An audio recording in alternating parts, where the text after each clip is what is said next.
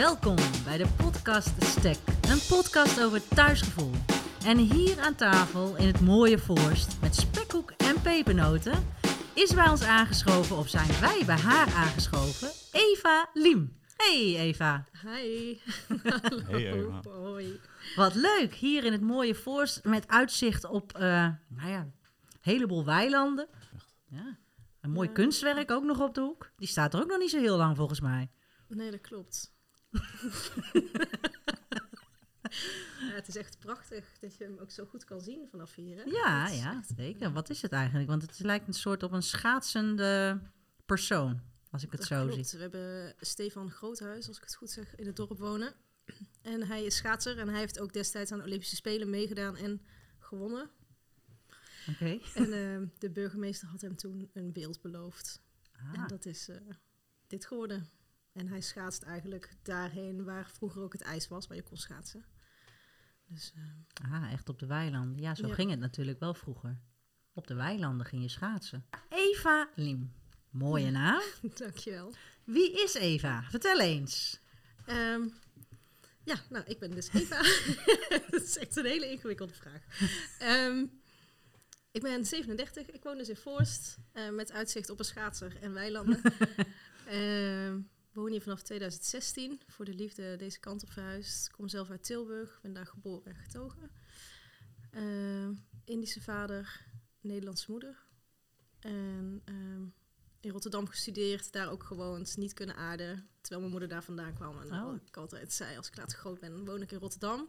Ik wist niet hoe snel ik weer terug moest. en eh, toen heb ik nog een tijdje in Amsterdam gewoond. Dat vond ik wel echt heel fijn. Toen weer terug naar Tilburg, Rutger ontmoet. En toen hebben we nog heel even in Zutphen gewoond. Maar dat is ook niet echt mijn plekje. Nee, Totdat we dit huis tegenkwamen. in Voorst. In Forst. Nou, En dit is mijn thuis. dit is echt je thuis? Dit is echt mijn thuis. Ja. Grappig. Ja. Rotterdam, Tilburg, Amsterdam. ja. En dan toch Voorst je Voorst. thuis. Wat, wat maakt Voorst je thuis? Ja, het is echt een gevoel. Ik weet ook dat we hier eh, bij dit huis gingen kijken. En we stapten via de achterdeur natuurlijk hier eh, naar binnen. En ik had nog niks gezien, maar één voet over de drempel en ik was thuis. Dus dat is echt eh, een gevoel, ik kan het niet omschrijven. En ik vind het hier fijn. En eh, we hebben de ruimte en we hebben fijne mensen om ons heen. Het, eh, ja, dat maakt het thuis. Ja. Het gevoel. ja, en ik denk ook wel inderdaad wat jij ook zegt. De mensen om je heen maken ook je thuis natuurlijk, met wie je bent. Ja, Ja. Want was jouw zoon, jullie zoontje toen al geboren toen jullie Nee. hier kwamen? Nee, hè? nee, nee, dat klopt. Die Ja. is in 2017 geboren. Ja, ja. Vos Dus, eh, heet hij. Vos. Ja. ja, dat is ook wel gek om te beseffen dat ik dan in Tilburg, in zo'n Phoenixwijk ben opgegroeid in de stad. En dat hij nu hier, ehm, hier gaat opgroeien. Ja, Heel anders. En want, want wel- wat is dan zo anders? nou ja, alles eigenlijk. Ik bedoel, toen ik hier net kwam wonen, dan had ik op één dag net zoveel trekkers gezien als, eh, als mijn hele leven in Tilburg, om het zo maar te zeggen. Dus eh, dat is al anders. En dat je hier de keten hebt, nou, daar had ik nog nooit van gehoord. En eh, toch wel op een andere manier een stukje samenhorigheid. Ik heb het gevoel dat mensen hier sneller zich om elkaar bekommeren. En om elkaar, ja, hoe zeg je dat? Voor elkaar zorgen, Mhm. voor elkaar helpen. Dat is wel Het dorpse gevoel. het dorpse gevoel, ja. Ja, Misschien voor de, voor de luisteraars. ehm Forst is dus een dorp. Klopt. eh, wat eh, eigenlijk in de buurt van Zutphen ligt. Ja, En, precies in eh, het midden van de stedendriehoek. Ah ja, precies. Dus Zutphen ligt aan de, de oostkant van de IJssel. En Forst dan net aan de, eigenlijk, ja, aan de overkant, om Ja. het zo maar te zeggen. En dan heb je ook eh, op dezelfde afstand Deventer en Apeldoorn zitten. Ja. ja. Want het is wel eh, grappig inderdaad wat je zegt. Het, het, het dorpse gevoel in, in, eh, in, hier in Voorst en het, de saamhorigheid. Terwijl, eh, nou ja, je, zegt, je hebt het net al gezegd, je bent Indisch, eh, half Indisch, half Nederlands. Je bent getint. Je kan er niet omheen dat je een Indisch uiterlijk hebt in Ja. ieder geval. Maar hier in Forst is niet heel veel kleur. Nee. En toch ervaar je die saamhorigheid. Dus dat is al heel goed eigenlijk. Ehm, hoe heb je dat zelf ervaren vanuit Tilburg? Wat eigenlijk een heel gemixt, Ja. gemixte stad is. Ja, nou, ik moet wel zeggen dat ik wel heel erg op zoek ben geweest naar de Indo's om me heen hier in de buurt. dus eh, ja, hier in het dorp eh, zul je er niet heel veel treffen. Eh, in de gemeente wel wat meer. Maar dat was wel echt... ja, toen merkte ik wel echt dat het toch iets anders is. Dat je, dat ik, ik voel me ook wel echt een Indo. Ik ben geen Nederlander. En dat is ook, ja, dat kan ik dan ook niet omschrijven, maar het gevoel dat je hebt. En ja, dat miste ik hier wel heel erg. Mhm. En nog steeds wel een beetje, dat je daar een beetje naar op zoek bent. Naar een stukje cultuur, een stukje herkenning in een ander. Ja. En is dat ook sterker dat- geworden nu je dan eh, hier woont? Ja, ook wel. Want we gingen dan vroeger met mijn opa aan mijn vaders kant... gingen we iedere zondag uit eten met de hele familie. Dus alle Indus bij elkaar. gingen we altijd eten. Met verjaardagen altijd eten. Ehm, ja, toch het eten. eh, Ja. En het samen zijn en, eh, en de familie. En dat miste ik wel echt heel erg. Ook gewoon voor Vos, voor mijn zoontje, dat hij dan toch dat dan weer een beetje mist. Dat hij een stukje cultuur meekrijgt. Ja. En het inderdaad het familie zijn. ehm, de saamhorigheid ook. En het eten. Dat is eigenlijk de, de ver- verbindende factor. Ja. Ja. Ja, en toch ook een stukje geschiedenis dat je deelt samen. Ja. En ik merk nu ook ehm, met mijn neefjes en nichtjes, we zijn allemaal een beetje rond dezelfde leeftijd. En ik weet nog dat we het er vroeger wel eens over hebben gehad als onze opa zou overlijden, dat het dan misschien wel uit elkaar zou vallen. Hè? Dat we altijd samen zijn. Nou, dat is ook gebeurd, jammer genoeg. En nu is in maart mijn oom helaas overleden. Eh, dus de vader van een neefje en een nichtje van mij. Maar daardoor hebben wij elkaar weer gevonden, de neefjes en de nichtjes. En wij waren bij elkaar en het was natuurlijk wel heel verdrietig. Maar je hebt zo'n gemeenschappelijke deler dat je het over dingen hebt en je weet precies waar het over gaat. Ook al heb je elkaar al heel lang niet gezien, maar je hebt dezelfde achtergrond. En je weet waar je vandaan komt, je weet wat je geschiedenis is. Je weet dat je allemaal toch op een bepaalde manier bent opgevoed met de rugzak van je ouders, die dan weer daaruit voortkomt. En dat is zo'n thuisgevoel. Ja. Dat is echt heel bijzonder. Ik kreeg echt een stukje thuis weer Ja. toen we weer in contact kwamen. Ja, dat snap ik wel. Dat is wel mooi inderdaad wat je zegt. Eh, het stuk herkenning, je draagt allemaal dezelfde rugzak. Je hoeft eigenlijk elkaar alleen maar aan te kijken om Ja. te snappen van... ja, ik, ik weet waar je vandaan komt, Ja. hè, waar het gevoel vandaan komt. Ja. Dat is inderdaad wel, eh, wel heel mooi. Ik kan ook begrijpen, je hebt een Nederlandse ja. vriend, man. Ja.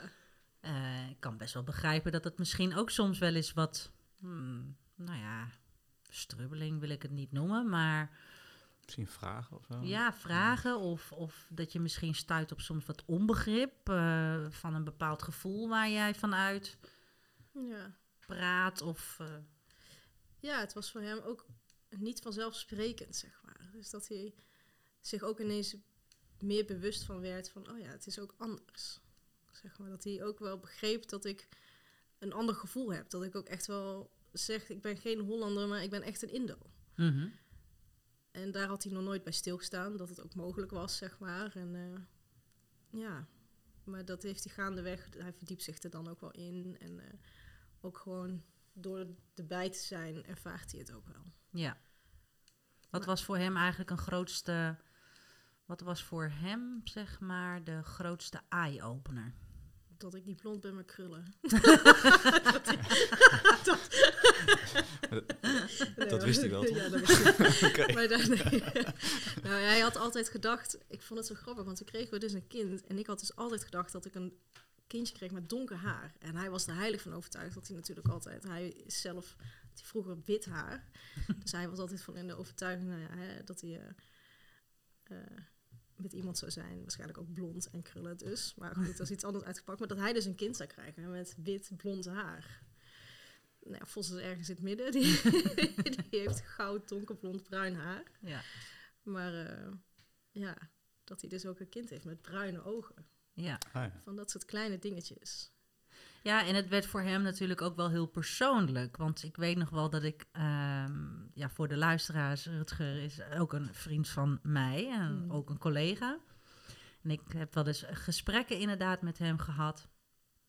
En als we het dan hadden over nou ja, eh, discriminatie of als we het hadden over Black Lives Matter, dat het ineens ook ging over zijn zoon. Ja, En ehm, dat hij zich heel erg bewust ervan was. Oké, sommige dingen kunnen ook effect hebben op mijn zoon ineens.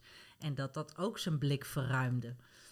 Eh, Maar ik denk ook dat hetzelfde ook voor jou geldt. Ik bedoel, als je eenmaal kinderen hebt eh, die in een bepaalde situatie belanden, dat je dan ook ineens anders gaat denken over dingen. Of je misschien bewuster bent van je leefomgeving of wat er gebeurt in de maatschappij. Ja, ja, dat klopt ook wel. En dat je dan nu ineens. ehm, kijk, mijn vader vertelde wel eens over vroeger dat ze als ze op stap gingen of wat dan ook, dat ze ook of raar werden aangekeken of geweigerd werden bij de deur. Hij heeft allemaal Indo-vrienden. Ehm, dat ze van eh, gastenverblijf naar gastenverblijf moesten. Dat er gewoon geen. Ja, hoe zwaar dat was toen ze hier in Nederland aankwamen, voor zover daarover gesproken werd natuurlijk. Maar dat is altijd het verhaal geweest. Maar nu komt het ineens heel dichtbij, want nu voel je het ook. Mhm. Dat verhaal wordt ineens heel levendig. En dat je denkt, ja, dat is niet zomaar wat. Nee, nee, zeker niet. Zeker niet. En, maar jij bent in ieder geval heel actief op het gebied. Goed bruggetje. Ja, toch? ja, op het gebied.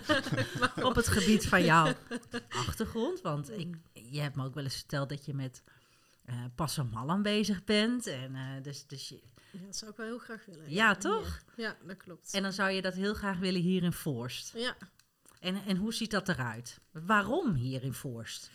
waarom hiervoor is het ook natuurlijk omdat ik hier zelf woon en hier de connecties heb. Ehm, hè, we hebben een heel fijn dorpshuis en daar organiseer ik vaker dingen. En dat is heel prettig. En omdat mensen vaak denken dat Voorst aan, het andere, aan de andere kant van de wereld ligt. Terwijl Mhm. dat echt heel goed te bereiken is. Eh, en omdat hier toch ook inderdaad in de omgeving, Zutphen, Deventer, Apeldoorn, toch ook wel aardig wat Indische en Molukse mensen wonen. En hoe ziet dat in jouw hoofd eruit, zo'n Passamallam? Want ik bedoel, eh, voor de mensen die het niet weten, het Passamallam is een markt, een avondmarkt eigenlijk, hè? zo in de Nederlandse vertaling dan. en dan is het natuurlijk vooral eten. Het water loopt Ja. me gewoon Ja, al in de mond als ik eraan denk, serieus. Neem even een eh, pepernoot. Ja. Of een stukje spekkoek. Ja. En, en wierook moet ik altijd heel erg aan denken. En natuurlijk het houtsnijwerk en al dat soort dingen. En de muziek Ja, en dansen. ja. Eh, Hoe ziet het in jouw hoofd eruit, de, de? Wat wil jij graag ehm, meegeven in de Indische avondmarkt? ja, ik denk dat ik het ook wel heel interessant zou vinden om de andere generatie daar te zien. Dus eh, hè, mensen van mijn generatie die daar ook wel mee bezig zijn. Want die zijn ook best wel, best wel veel mensen actief daarin met hun Indische roots. En waar kom ik vandaan? En ja, dus het lijkt me juist heel leuk om die samen te brengen. En die vinden elkaar natuurlijk al wel heel veel. Maar om juist zoiets te doen, ehm, dat dat ook een beetje de andere generatie samenbrengt. Want, want jij bent Ja. van de, de derde generatie. Klopt. Dat zijn wij Ja. eigenlijk alle drie. Ja. Ja. Is, is dan ook, zie je dan ook voor je dat de vorm ook verandert? Gewoon, Nee, niet per se eigenlijk. gewoon wel de- nee, de- gewoon eten. Nee. het belangrijkste.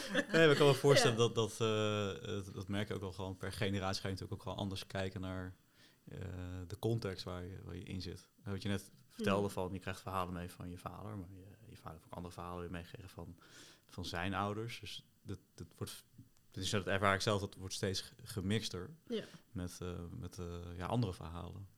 Dus je verhaal wordt ook een soort van anders. Dus ik kan me dan ook voorstellen dat, dat dan de vorm van een, een pastamal dan misschien ook anders zou kunnen zijn. Ja, nee, zo- ik- misschien heb ik ook nog niet zo ver over nagedacht. Misschien had ik gewoon als doel voor ogen, ik wil graag een pasta organiseren. En dat daar mensen fijn samenkomen en lekker eten en muziek.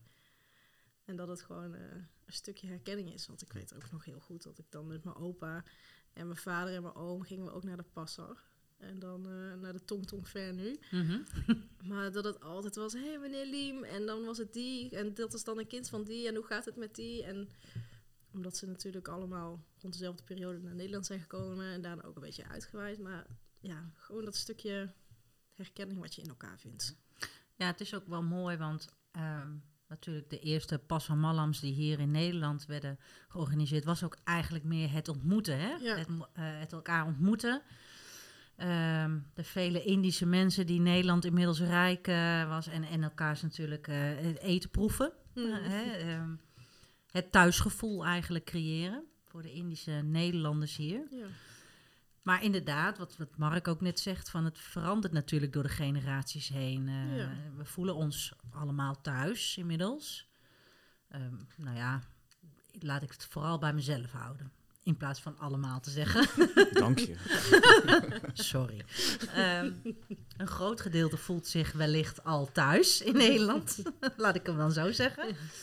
Maar, ehm, dus ik denk dat, er veel, dat de interesses ook anders zijn geworden. Eh, wat Mark ook zegt van derde generatie hier. eh, Ik kan me heel goed voorstellen dat jouw interesse om andere Indische mensen, Indi- Indische Nederlandse mensen te ontmoeten, een andere interesse is als een ontmoeting bijvoorbeeld voor jouw opa destijds. Mm. Dat je nu veel meer misschien geïnteresseerd bent in eh, wat, wat, wat beweegt die persoon of, of wat doet die of wat, Ja. wat doet iemand met zijn of haar roots Ja, nu in Nederland. ja. Dat dat misschien wel de verandering ook is door de generaties heen. ja, en ik denk ook wel ehm, dat het ook een beetje meer de zoektocht is van de derde generatie. Er zijn Mhm. ook heel veel mensen juist op zoek naar hun roots van de derde generatie. Omdat je natuurlijk dat het groot Indisch zwijgen van mensen, dus inderdaad die niet zoveel kwijt willen over hun geschiedenis. Of ook om wat ze hebben meegemaakt en omdat het natuurlijk te pijnlijk is. En vooral over het goede hebben. Ja. En dat er daardoor gewoon zoveel geschiedenis verloren gaat. Dat merk ik bij mij ook. Dat er is gewoon heel weinig bekend of er wordt niet over gesproken. En je hebt een, eh, een organisatie, Tracing Your Roots. Ja. En eh, dat was voor de jongeren om op zoek te gaan naar hun roots dus. En onderzoek te gaan. Nu heb ik zelf deelgenomen aan de 35-plus editie. Oh, wat goed. ja, alleen ik weet niet waarom. Toch vind ik dat dan heel interessant en ergens misschien ook te confronterend. Ehm, dus die zoektocht die ligt er nog wel, maar die, daar ben ik nog niet heel actief mee bezig. Ja. Maar ik wil het wel echt heel graag, omdat er toch nog zoveel vragen zijn. En mijn oom, die toen op sterven lag, was er ook zo druk mee bezig. Dus ik, wil, ik heb hem wel beloofd dat ik de zoektocht af zal maken. Wat, wat, wat, eh, eh, wat vind je dan te confronterend? Ja, die Vraag wou ik ook stellen. Benieuwd. Ja, nou, ik merk toch wel, het is, ehm, ik denk, een lastig onderwerp, omdat er gewoon heel veel is gebeurd. En ik heb eigenlijk aan de ene kant heel veel vragen die ik thuis niet beantwoord krijg of kan krijgen. En dan, ja, dan ga ik er naar op zoek en wat vind ik dan? Eh, ja, het is toch allemaal. Ik merk ook dat sinds ik zelf een kind heb, dat dingen toch heel anders zijn. Toch Mhm. een ander perspectief. Dat het dan. Ja. Ja, het is het onbekende, inderdaad. De angst voor het onbekende. Wat je ook zegt, inderdaad, het is een, een zwijgcultuur. ik ben zelf van, eh, heb zelf de Molukse achtergrond en ik ken inderdaad het zwijgen. Ehm, trauma, trauma's. Mhm. Het wordt ook vaak niet eens vanuit de eerste generatie aan de tweede generatie verteld. Dus de tweede generatie kan het ook niet doorvertellen aan de derde generatie. Want die hebben. eh, die, die weten het ook niet. En dus dan zit je nog met een stuk respect. Mhm. Je gaat niet er naar vragen. Het is zoals het is. Dat is ook wel eigenlijk, denk ik, heel eh, bekend bij de Indische cultuur. Je gaat niet aan iemand vragen die ouder is van hoe zit dit of dat, want je bent dan brutaal eigenlijk. dus je moet het gewoon nemen zoals het is. Terwijl in de Nederlandse cultuur het natuurlijk heel eigenlijk normaal is dat je eh, dingen vraagt, want dat Ja. is interesse. Ja. Toen eh, mijn oma is overleden, toen ik echt zelf nog wel, was, was zat ik in groep drie of zo, dus dan ben je daar helemaal niet mee bezig. Maar ook toen mijn opa overleed, nu denk ik, oh, ik heb zoveel kansen gehad om hem al die vragen te stellen. Toch wel gewoon, want hij heeft wel eens wat verteld. Mhm. Maar dan ben je daar helemaal niet mee bezig. Dan ben je zelf zo eh, druk bezig met andere dingen, zeg maar, waar je als eh, tiener mee bezig bent. Ja. Dat je die vragen ook niet stelt. En dan denk ik nu, ja, dat is wel echt heel jammer. Want wat is nou zeg maar een brandende vraag wat je, als je nu de kans zou hebben, wat had je hem dan nu graag willen vragen? ja, hoe was het nou? Hoe was het nou voor hem ook? Hè? En voor mijn oma, want van mijn oma is ook gewoon niet veel bekend. Zij was wees eh, van een Duitse soldaat en een Indische eh, vrouw. Mhm. Maar die is ook heel jong overleden. Dus mijn oma is opgegroeid in een kinderthuis. En ja, ik wil, ben gewoon benieuwd of ook mijn oma daar met mijn opa natuurlijk wel eens over heeft gesproken. Maar hoe was dat nou ook eh, met de oorlog? En er zijn wel wat verhalen bekend, maar ik heb nooit echt van mijn opa gehoord. Nee. Dus daar ben ik wel benieuwd naar Ja, snap ik. hoe Ja. dat was. En hoe zij elkaar gevonden hebben en dat soort dingen. Ja, En zijn dat nou echt ook de verhalen die jij dan wil doorgeven weer aan Vos, jullie ja ik zoon? vind dat toch wel bijzonder. Ja. Ja, En daarom ben je eigenlijk nog, heb je nog meer die drang om die verhalen te verzamelen eigenlijk. ja. Ja, ik vind, ben, en het is wel gek, want aan mijn moeders kant weten we wel redelijk veel. En ook daar, ik heb mijn opa nooit gekend, maar mijn oma wel. En dat ging ik ook echt heel graag heen en dat was altijd heel fijn. Maar op de een of andere manier heb ik daar niet zo die behoefte aan die geschiedeniskant of zo. Ik weet niet wat het is. Dat is heel gek, daar weet ik wel veel van. Mhm. Tenminste, hè, mijn moeder vertelt daar wel wat meer over. En ehm, daar staat ook wel wat meer van op papier. Maar toch blijft die Indische kant trekken. Ik weet niet Ja. wat is. Ja, misschien ook omdat er juist niet zo heel veel bekend over is. Daarom met Ja. altijd nieuwsgierig natuurlijk naar de dingen die je nog niet weet. En helemaal als het Ja. je persoonlijk natuurlijk eh, betreft, dan is die nieuws, wordt die nieuwsgierigheid Ja. alleen maar groter en groter. ja. Ja, Ja, en ik vind het ook heel jammer dat ik nooit Indisch heb leren koken. Dat ben ik nu zelf aan het doen. Probeer ik een beetje. En, Dat is wel eh, heel jammer. Ja. Ja, dat is echt heel heel, ja, heel fijn als mensen wel Indisch kunnen koken. Ja. Ja, maar ik ben nou wel... eh, nou, mijn oma was dus wees en die zat in een weeshuis. En haar... eh, hoe zeg je dat? De leidster van de groep waar zij onder viel was Beb Fuik. Dus zij een hele bekende naam ja, zij heeft van die kookboeken. Ja, Dus zij heeft leren koken van Beb Fuik. Dus ik heb hier ook het kookboek van Beb Fuik. Dus daar ben ik uit aan het koken. In de hoop dat dat dan een beetje is zoals mijn oma dus kookte. Ah, ja. En de enige die van mijn oma heeft leren koken is mijn oom, die dus helaas is overleden. Mhm. En dat zijn gewoon van die kleine dingetjes. Ik heb altijd tegen mijn oom gezegd, oh, leer me alsjeblieft Indisch koken. En dan zei hij, ja, dat is goed, wanneer kom je? En dan Ja. komt het er niet van of Komt dat zo. Maar, En wat is eh, jouw favoriete Indische gerecht? Rendang. Rendang. Ja, dat vind ik echt zo lekker. Mm. Ja, En, eh, het begint allemaal. ja, het is gelijk. eh, ja. maar dat maak ik nu dus ook heel graag. En dat is echt al voordat het dan eindelijk klaar is. En dingen, heeft Rutger al de halve pan leeg gesnoept. Goh. Die vindt, oh, ik moet even kijken hoe het met de rendang gaat. En dan, oh ja, Iemand moet ja. het een beetje in de ja, gaten iemand houden. moet het Ja. in de gaten houden. Ja. dus, eh, ja, en dus zo probeer ik wel steeds meer dingen dan te leren door te doen. Ja. Ja. Ja, en, en Vos, vindt hij het ook lekker rendang? Of is dat dan te pittig? Of maak je het niet zo pittig? Nee, ja, ik maak het niet zo pittig. Maar eh, nee, hij houdt wel van rijst. Ja. Maar, eh, en van de boontjes, maar dan wel de rauwe boontjes. dat vindt hij dan wel lekker. Dat is een goede baas. Kroephoek, trouwens. Gek op kroephoek. Kroephoek, ja. Ja. En wat is dan een favoriet Nederlands gerecht? Van wie? Van mij? Ja, favoriet of waar, eh, als iemand je dat voorschotelt, dat je dan denkt, ja, dat, dat vind ik ook echt eh super lekker. Nou, dat moet nog gebeuren, denk ik.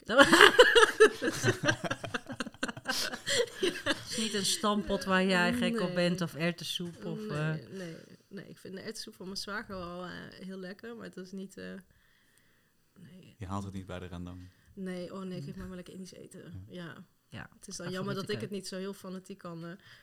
maar als ik dan snel iets in elkaar moet flansen, dan is het meestal een makkelijke sambal boontjes en een rijst. En dan ben ik al wel eh, content, ja. ja, heerlijk. Ja, I love it. Ik heb Ja. ook gewoon tegelijk trek. Echt, ik kan opstaan en gewoon een Indische rijsttafel. lekker eh, I don't care, echt niet. nee, oh ja, dat herken ook, ik ja. wel. Ja, Ja, hè? Ja, ja. Ja, ik heb ook gerust Heerlijk. als er nog eten over is van gisteravond, zeg maar, dat ik dat gewoon eh, opwarm. Nee, altijd. Ja hoor, maakt me niks uit. Ik weet nog. Vroeger dan eh Pantjak, weet je, zie dat was dan op zondagochtend eh 11 uur training. En daarvoor was het ook inderdaad gewoon eh nasi eten of eh, Ja. whatever. Oh, heerlijk. Ja. Ja. Ja. Ja. Het goede Dus wij, zouden het echt wel goed doen in het buitenland gewoon. Als wij, toch? Ja, gewoon altijd Dat, eten. Ja. Ja. Ja. Ja. Ja. No problem. En Eva, nou, wat doe jij verder hier in het mooie Forst? Daar ben ik ook wel heel erg benieuwd naar. eh, ja, behalve heel fijn wonen in de Forst. Ja, ik werk in Zutphen. Mhm. Dus eh, daar pendel ik een beetje tussen. En, eh, En wat voor werk doe je daar in Zutphen? Benoem ben, het eens. ja, Wat doe je daar? Ehm, ik ben daar teamleider bij een multicultureel wijkcentrum. Dus, eh, Dat is leuk. klinkt- In Zutphen. in Zutphen. Een multicultureel wijkcentrum. Maar dat is dan wel weer heel leuk, want ik riep, ik, juist sinds Vos er is, had ik, vond ik dat ik het zo jammer vond dat Vos niet met heel veel culturen in aanraking kwam. Want hij zit op een vrij witte school, er zit wel gelukkig iets van kleur in. Mhm. En, eh, en dat vond Rutger ook iets wat hij, ja, dat kende hij ook niet, dat ik dat gevoel had. En nu snapt hij dat wel. Mhm. Maar nu ben ik ook heel blij dat ik werk waar ik werk, omdat er ook gewoon heel veel culturen en werken en over de vloer komen en Vos gewoon lekker meegaat en hij daarmee in aanraking komt. Dus dat vind ik wel echt eh, ook heel bijzonder om dat mee te geven. Ja. En de grap is, hij ziet, hij is zich daar niet zo heel erg bewust van of zo. Want ehm, hij had dan toen mijn oom op sterven lag, ging Vos ook mee naar mijn oom toe. En mijn neef was daar. En die heeft, mijn Vos heeft lang haar, maar mijn neef heeft ook lang haar. En toen gingen we daarna nog een keertje daarheen.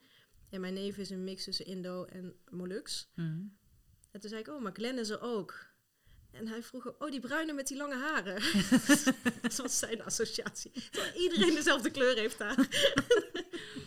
dus ik zei, ja. Ik zei, maar is opa dan ook bruin? Daar moest hij echt heel hard over nadenken. Maar hij dacht toch echt dat opa niet bruin was. Terwijl hij mijn vader natuurlijk echt heel veel ziet. maar, maar Glenn was die bruine met die lange haren. Oh ja. Ja, dus dat is zo'n bijzondere associatie dan. Terwijl hij dan bij mijn vader geen kleur ziet. Of tenminste niet zo benoemt of ervaart. Nee. En, eh, Nee, Ja. omdat het misschien meer eh, vergelijking is met zijn eigen huidskleur of zo. Misschien daarom. Ja, ik weet het ook niet. Hij, ik, Vos heeft ook een hele grote pigmentvlek op zijn been. En dan vertellen we ook altijd, altijd, nou die heb je van ons gekregen. En dat is een stukje Indonesië die je op je been hebt. Ja, Dat is jouw kleurtje. Ja, dat is het land. ja. ja, Opdat je het nooit mag vergeten. precies. Geconfronteerd wordt. Ja. Ja, ja. ja, mijn spekhoek wil ik ook nog wel een keer maken. Ik heb het één keer gemaakt, toen was het volledig geschift. Even, een, eh, en toen was het ook echt niet te knagen. We hadden meer van die omeletten op elkaar. maar dat is nog wel mijn doel. Mijn oma maakt altijd zelf spekhoek. Misschien is voor, ook de- voor, Echt een Indisch ding ook, spekhoek. ja. Ja, misschien even voor de mensen die, die niet weten wat spekhoek is, dat we het even kunnen omschrijven. Wat het, eh, Oh ja. Ja, het zijn heel veel eieren. ik weet dat dat erin gaat kruiden. Maar het is een gelaagde cake. Dus met in dit geval eh, bruin-witte of crème laagjes. Wordt die opgebouwd. Je moet ook laagje voor laagje afbakken. Ja. In de oven. Het zijn de, eigenlijk de speculaaskruiden hè, die erin Ja. worden gebruikt. Net als in de pepernoten. Inderdaad, net als in de pepernoten, ja. Zeg je trouwens, eh, zeg je nasi of zeg je witte rijst? Ik zeg wel witte rijst. Ja, ik ook. Ja. Maar een heleboel mensen zeggen dus ook gewoon nasi. Maar ik associeer nasi met nasi goreng. Ja, Oh ja. gebakken, ja, precies. Ja. Gebakken rijst. Ja. Ja, maar dit is echt heel stom. En nasi en bami moet ik altijd nadenken. Nasi, oké, daar zit de S in. Nasi is de S van rijst. Dus dat is de rijstversie. Oh ja? Oh, het door elkaar. Blijft nooit hangen bij mij. Nasi, S, rijst. Ja, dat is de rijstversie. Ik weet niet waarom. dat gaat er gewoon niet in. Grappig, hè? Ja, soms heb je dat Ik weet wel dat mijn, mijn oma is van Indische afkomst, van mijn moeders kant. En eh, haar man eh, is Nederlands. Maar ik vond het heel erg grappig eh, als ik dan altijd bij mijn oma ging eten. Dan kreeg je nasi met ham erin. Want het was hier natuurlijk... en, en, en ook gewoon... Er zat ook minder smaak aan. Maar als ik dan zo'n nasi ergens krijg... dan moet ik altijd denken aan mijn oma. Oh, ja. Eh, heel veel dingen zijn vernederlandst. Omdat ze een heleboel producten natuurlijk niet hier hadden in de tijd dat ze hier kwamen. Eh, is dat heel grappig dat je dan sommige Nederlandse dingetjes erin in, in terugziet. Eh, ook, ook de pastei toetop, dus de dichte pastei. Moet ik misschien even vertellen aan het luisteren. Ja. Echt, het water loopt echt in de mond. Want ik denk gelijk, zal ik dit vanavond maken? Ja. Eh, maar goed, Eh, je hebt natuurlijk de pastijtjes die ze verkopen in, eh, nou ja, whatever, in de toko's of, nou ja, restaurantjes. Maar je hebt dus ook de dichte pastei. Dat is toetoep, dat is dicht. dus dan heb je eerst dat, dat mengsel, zeg maar, het gehaktmengsel met, met eh dopertjes, wortels en er zit dan ook dat mihoen, glas eh mihoen zit daar doorheen. En dan gaat daar bovenop gaat daar aardappelpuree. En dan, eh hup, in de oven. Jij kent het niet? Nee. Want je zit echt een beetje Ik ben ook een beetje glas in de war. mihoenachtig aan te kijken. Maar Aardappelpuree? Ik denk Ja, aardappelpuree gaat er Oh, Dat is overheen. toch verwarrend?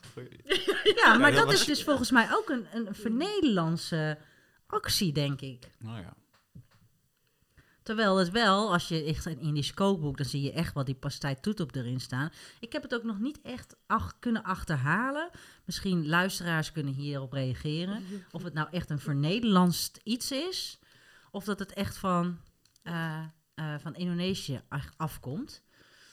Ik, ik denk namelijk dat het een soort van verbastering, of verbastering, eh, ik denk dat het echt vernederlandst Ja. is. Door die aardappelpuree inderdaad erbovenop eh, te doen. Maar het is gewoon echt alsof je een hap neemt gewoon eh, van een pastijtje. Ja. Dus, dus moeten we dus, moet ik dus een workshop geven of een keer Ja. als ik hier voor Prima. Op Maken we voor... Nou ja, je bent trouwens vegetarisch. Nee. Nou, soms. Ja, wanneer het uitkomt. Wanneer het uitkomt. Ja. Oh, De vijf voorkeur. Ja, nee. Ja. ja, sorry, eh, Mark is wel vegetarisch, Sorry, dus die sorry. eet dan... Altijd. jij mag de vlees Altijd, ertussenuit ja. halen. Vegetarisch gehakt kan toch? Oh ja, vegetarisch gehakt kan wel. ja, of tofu of Ja. whatever. Oh ja, Dat lijkt me dan, of tauw. To- Tofu of tauw. tahu. Ik zeg dan weer tahu. Wat zeg Er jij? zijn toch twee verschillende dingen? Nee, ze is wel... jij bent in de Oh, war ja. met tempeh. Tempeh, ja. Goed. Ja, ja. Ik ben echt een nep Indo. Dat is niet te doen. Met, met tempeh zie je dus nog de, oh, dat is zo lekker. de bonen Oh, in een het eh, soort van ge- ge- ge- ja, gefermenteerde Ja, ta- ik ben niet zo. Ik zeg ook tofu, maar ik Ja. ben niet zo'n tofu fan. Ja, to- Nee? Ja, ik hou, Nee. ik hou er wel van. Ja, ik eet alles. Behalve dode dieren. Behalve dieren. ja. Ja. Dat is wel helder. Maar Ja. dit zijn ook wel kleine dingetjes waarin ik toch een stukje achtergrond dan mis of zo. Hè? Dan ben ik even de draad kwijt en denk ik, oh ja, wat is het ook alweer? Of ja, dat je dan toch een stukje geschiedenis mist om echt... En dan soms dan lach ik maar gewoon een beetje dat ik ik weet waar het over gaat. Ja, Maar dan, geen eh, idee. dus ja, maar is er niet dan een bepaald gerecht waarbij jij denkt van... oh, als ik dit uh, voorgeschoteld krijg of als ik dit gerecht hoor... dan dat doet me denken aan mijn opa en oma. Of, of als ik misschien bij een restaurant eet. Dat ik denk, oh ja, Ja, ik heb het net nog proberen op te zoeken, maar ik kwam er even niet op. Want we gingen altijd ergens eten met mijn opa. En die mevrouw kwam dan altijd naar ons toe en zei... Oh, meneer Liem, we hebben het nu wel in... Volgens mij was dat iets met kousenband en trassie. En ik weet niet, dat maakte ze ook altijd speciaal voor mijn opa... omdat mijn opa daar zo gek op was. Maar ik kon dus even niet meer op de naam komen. En eh, mijn opa en oma hebben ook in Den Haag gewoond. Eh, En dan gingen ze altijd ergens eten. En toen zei ze op een gegeven moment... moesten ze naar Tilburg... Maar mijn, o- wat ik heb gehoord is dat mijn oma mijn opa dus gewoon met de trein naar Den Haag stuurde om dan daar eten te halen. oh ja, ja. En dan ben ik gelukkig ook nog wel een aantal keer met mijn opa geweest om daar te eten. En ik heb Rutger ook al een keer meegezult daarin. Dus dat zit er allemaal nog. Dus ja, Is dat dat, dat legendarische Indonesische restaurant? ja. Dus er, vorig jaar is er één gesloten volgens mij. ja, daar heb ik ook gehoord, ja. Maar daar zit nu ook nog een andere en dan kun je echt zo. Nou, Ja. dat eh, wel, de- je weet niet de naam zo meer. Nee, het zit gewoon in dat, straatje is dat met allemaal van die Indische restaurantjes. En, eh, nee, goed. In ik Den weet, Haag. wel- ik, Den Haag. Ik weet hoe ik er moet komen. Maar weet Zo- ik zoeken we nog uit. Dat Ja. moet ik heel gauw uit gaan zoeken, dit. Dus uh, Rutger ook al nu eh, twee keer mee geweest of zo. Maar dat is echt... eh, Ja. Want kousenband, jullie hoorden het net, kousenband is niet alleen, eh, wordt niet alleen gebruikt inderdaad in de Surinaamse keuken, maar ja. is ook inderdaad in Indonesië eh, gewoon volop aanwezig. ja, ja. En ook zeg maar de gado-gado, die eet je in Indonesië met kousenband. En hier is het vernederlands met boontjes. Spersiebonen. Spersiebonen. Eh, en, en laatst had ik Gado Gado gemaakt met kousenband. En ik denk, ik wil hem terugbrengen naar de, de originele versie. En toen werd ik thuis aangekeken van, wat, wat, is, eh, wa- wat is dit? Wat, waarom, Wat nou woord? waarom zit hier kousenband bij? Nou, ja, Maar, eh, nou. Wat staat er vanavond eh, op tafel hier? Ik ben wel benieuwd. Ja, ik weet het niet. Volgens mij komen er gewoon spruitjes op tafel. Ook lekker. Spruitjes Ja, met eh spruitjes. satésaus, met pindasaus. Oh ja, maar ik vind het ook heel fijn dat je saté zegt. Want al die... eh, als, eh, ik moest Rutger, die eh, heb ik het bijna... Die, die zegt nog wel eens saté, maar de saté zit er bijna in. Oh, ja, was me niet van bewust. Maar eh, Ja. nee, fijn. Dat, Ja, Ja, we hebben toch een andere manier van eh saté uit te spreken. Maar dat vind ik altijd wel... eh wij zijn wel heel erg kritisch eigenlijk, hè? Kritische beoordelers met eten. Ik weet niet of jij dat ook hebt, maar... ja, nou ik had toevallig was ik met mijn nichtje op pad van eh, vrijdag. En zij heeft ook nog een hele tijd op Bali gewoond.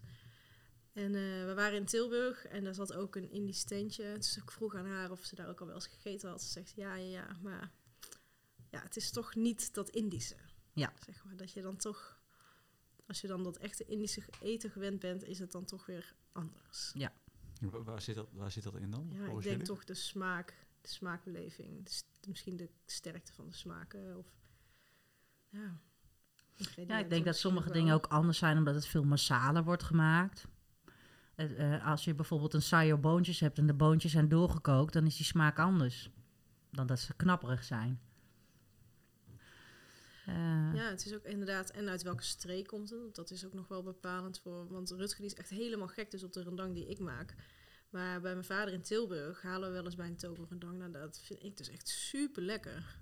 Lekkerder dan die ik zelf maak. Maar dat is dus ook, en smaken verschillen natuurlijk, en hoe het is gemaakt. Dat En is wij- natuurlijk wel, dat is ook wel interessant hè, voor, voor mensen van, van je zegt uit welke streek het komt. Je hebt natuurlijk in het, eh, nou ja, wat, wat ze nu Indonesië eh, noemen. Het waren, voorheen waren dat natuurlijk eh, allemaal losse ja, gebieden of eilandengroepen waar, met, met eigen tradities en eigen ja, kruiden waarschijnlijk ook. Eigen, ja, het is heel anders alsof je iets in Java eet dan op Bali. Ja. Dus dat zal ook wel weer, er zullen ook wel weer smaakverschillen zijn. Net zoals eh, Molukkers gebruiken ook weer hele andere, nou ja, andere kruiden dan dat ze in Indonesië gebruiken weer. Ja. Dus dat is ook weer, weer anders. Ehm, ja. Waar wij het wel heel lekker vinden is in Deventer zit een tentje Java House. Omdat we geen reclame, wel reclame mogen maken trouwens. En daar vinden we het wel echt altijd super lekker. Oh, Java House. Oh, dat is wel een goede om te weten. Die ken, die ken ik nog in de niet. binnenstad. Oké. Nou, wat onthouden, eh Mark. Ja, ja. ja. Ja, de volgende keer moeten we maar lekker gaan eten. Ja, volgens mij Ja. ook. Hè. Ja. We volgens mij, de, met login hebben we het hier ook over gehad. Hè? Gewoon met eten hebben we het, het over gehad. En Ja. toen was het inderdaad ook, eh, de conclusie was toen ook van, we moeten meer eten bij dit soort gesprekken hebben. Ja, Eigenlijk wel. ja. Ja. Maar ik denk dat, Mm, dat sowieso eten eh, geeft natuurlijk heel veel herinnering. mm. Of brengt heel veel herinneringen terug als je iets eet of een bepaald kruid proeft. Dan heb je tenminste, ja. of ben ik daar. Nee, nee, dit is... Ja, Ja, heb je wel gelijk. Er roept een herinnering bij je op. Ja, ik, ik vind wat ik ook wel mooi vind, eh, want je omschrijft het hè, van met, met eten ben je heel gaan aan het zoeken. Eh, maar het sowieso Hmm. omschrijf je natuurlijk een zoektocht van, ja. van naar je eh, ja, Indische ja, achtergrond, Indische Mhm. verhalen. ja. Kan eten een soort van gesprek eh, aanwakkeren over andere elementen van de cultuur. Ja, Ja, dat denk ik wel.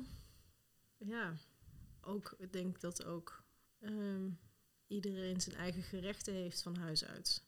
En dat dat weer kan leiden tot gesprekken. En ik merk nu ook dat ik een beetje ben gaan zoeken naar de geschiedenis van mijn oma. En hè, met Beb Fuik en dat kookboek. Maar dat ik dan denk, oké, hoe heeft mijn oma dat ervaren destijds met Beb Fuik? Want het bleek dat dat niet per definitie de meest warme vrouw is geweest. Mhm. Ehm, hoe was dat dan voor mijn oma samen met die vrouw? Of hoe heeft zij daarin dan leren koken? En wat heeft voor haar dan die betekenis gehad van dat koken? Hè, want ze heeft het niet aan alle haar kinderen doorgegeven, maar alleen aan één oom. Ja, hoe was dat dan? En hoe is dat dan zo gekomen? En dan ben ik met dat kookboek bezig en denk, oh, wat heeft mijn oma daar dan uitgemaakt? Of eh, wat vond mijn oma fijn of lekker of leuk om te maken? En had dat dan ook nog een bepaalde betekenis? Of juist een herinnering? Of ja, En, Nou, en- misschien een mooie voor je passamallen die eh, er nog aankomt. Ja. Dat je verschillende eh, ja, streken. ja, en het, het is natuurlijk ook gewoon een specifieke ja, persoonlijke geschiedenis die, Ja. Die je eigenlijk wil aanboren. Ja, ja, dat is het ook wel. Maar ook wel dat je benieuwd bent wat, voor, wat het eten voor anderen. Want hè, dat je ook in al die kookschriften, dat mensen dat zeggen, dat die gerechten meestal gewoon van generatie op generatie gaan. Wat betekent dat dan? Want het zal in ieder huis anders smaken. Ja. Het is, ook is ook wel heel grappig inderdaad wat je, wat je zegt, want we zijn ook heel trouw. Tenminste, dat heb ik eh, zelf ook. Dus, mm, Ik weet niet of dat dan iets is wat generaties wordt doorgegeven, maar je hebt altijd een favoriete pan waar je in kookt. En je hebt altijd een... ja. Maar het is heel grappig, want als ooms en tantes, als jij dus gaat koken bij iemand, of als je iemand uitnodigt om te komen koken bij jou, een tante, neem ze altijd een eigen pan mee. Ze willen nooit in jouw pan koken. Neem er altijd een eigen pan mee. Dat is ook typisch zo'n dingetje. Grappig. Dat vind ik ook echt heel grappig. Want uit hun pan smaakt het beter. Want ze weten precies hoe hoog ze het vuur moeten zetten op die pan. Oh, ja. ja, en dat heeft stukje allemaal missen- met die smaakbeleving te maken. En dat Ja. is die, die specifieke familie. dingen die Ja. een beetje Ja, ja, mis. ja. Ja. Bepaalde wok en die wok blijft Ja. gewoon in die familie. De- die wok die valt, die handvaten zijn er al af. weet je wel. maar die blijft gewoon. Ja. Ja. Ja, Maar dat, dat, ja, dat mis je. Dus ja, ook gevoelsmatig. ook. ja, gevoelsmatig heel Ja, ik. Dat stukje. Dus wat is Ja. de volgende stap in jouw zoektocht? Je had het al net eventjes over ehm, eh, die, wat zei je, trading? Tracing your roots. Tracing your roots, inderdaad. Ja, daar ben ik vorig jaar zomer mee begonnen. Maar goed, dat is begonnen. en Dat, maar ik heb nu ook, hè, mijn neefjes en mijn nichtjes, wat ik zei, die heb ik nu een paar keer weer gezien, ook gezamenlijk. En dat was heel fijn. Dus ik had nu gevraagd, goh, kunnen we misschien met z'n allen een kerstdiner doen zoals we vroeger altijd deden. En ik denk toch een beetje dat die samenhorigheid opzoeken en vanuit daar verhalen weer wat meer delen. Ja. Ja, Want, want herkennen jouw eh, neven en nichten ook eh, ja, die, die, die zoektocht die jij... Ja, de een wat meer dan de ander, denk ik. Maar je komt wel allemaal. ehm, je deelt allemaal wel dezelfde geschiedenis. Dus het is wel de herkenning die je vindt bij elkaar. Ja. En dat Ja. vond ik zo fijn. Dat was echt een stukje thuiskomen voor mij. Dat ik ook echt tegen Rutger zei: Oh ja, dit is iets wat ik onbewust heel erg heb gemist. Dus er vielen heel veel puzzelstukjes op zijn plek. Ja. Ja. Gewoon al is het alleen maar dat je met mensen zit te praten en je gewoon verder niks hoeft te vertellen, maar dat iedereen precies weet waar het over gaat. Ja, herkenbaar. En wat zou jij graag mee willen geven aan Vos? Hmm. Ben jij nog zo druk met je eigen onderzoek bezig dat je nog niet weet wat je door wil geven? Ja, misschien dat, maar dat hij trots mag zijn op wie die is. Mhm. En met, gewoon met de roots die hij heeft. Natuurlijk ook zijn Hollandse roots. maar eh, ja, dat hij toch wel een bijzondere geschiedenis heeft. Ja. En wat dat dan nog verder inhoudt, dat komt vanzelf wel. En hij heeft natuurlijk ook zijn eigen stukje geschiedenis, wat, eh, wat we nu aan het schrijven zijn. Het Kijk, Voorts, ja. pittoreske... ja, ja precies. ja. Met de schaatser, Met de schaats. het standbeeld. Ja. Nou, mooie afsluiting toch? Toch? Vind ik wel, ja. Ja, vind ik ook. Nou, Eva, mooi. wil je ontzettend bedanken voor jouw gastvrijheid hier in het mooie pittoreske Voorst. Hè? Met de spekkoek en de pepernoten. Ik bedank eh, Mark voor het geluid en natuurlijk mijn co-host. Indeed. Ja, een pepernoot. Dankjewel, eh, Eva. Jullie ook bedankt. En eh, luisteraars, bedankt voor het luisteren. En tot een volgende stek.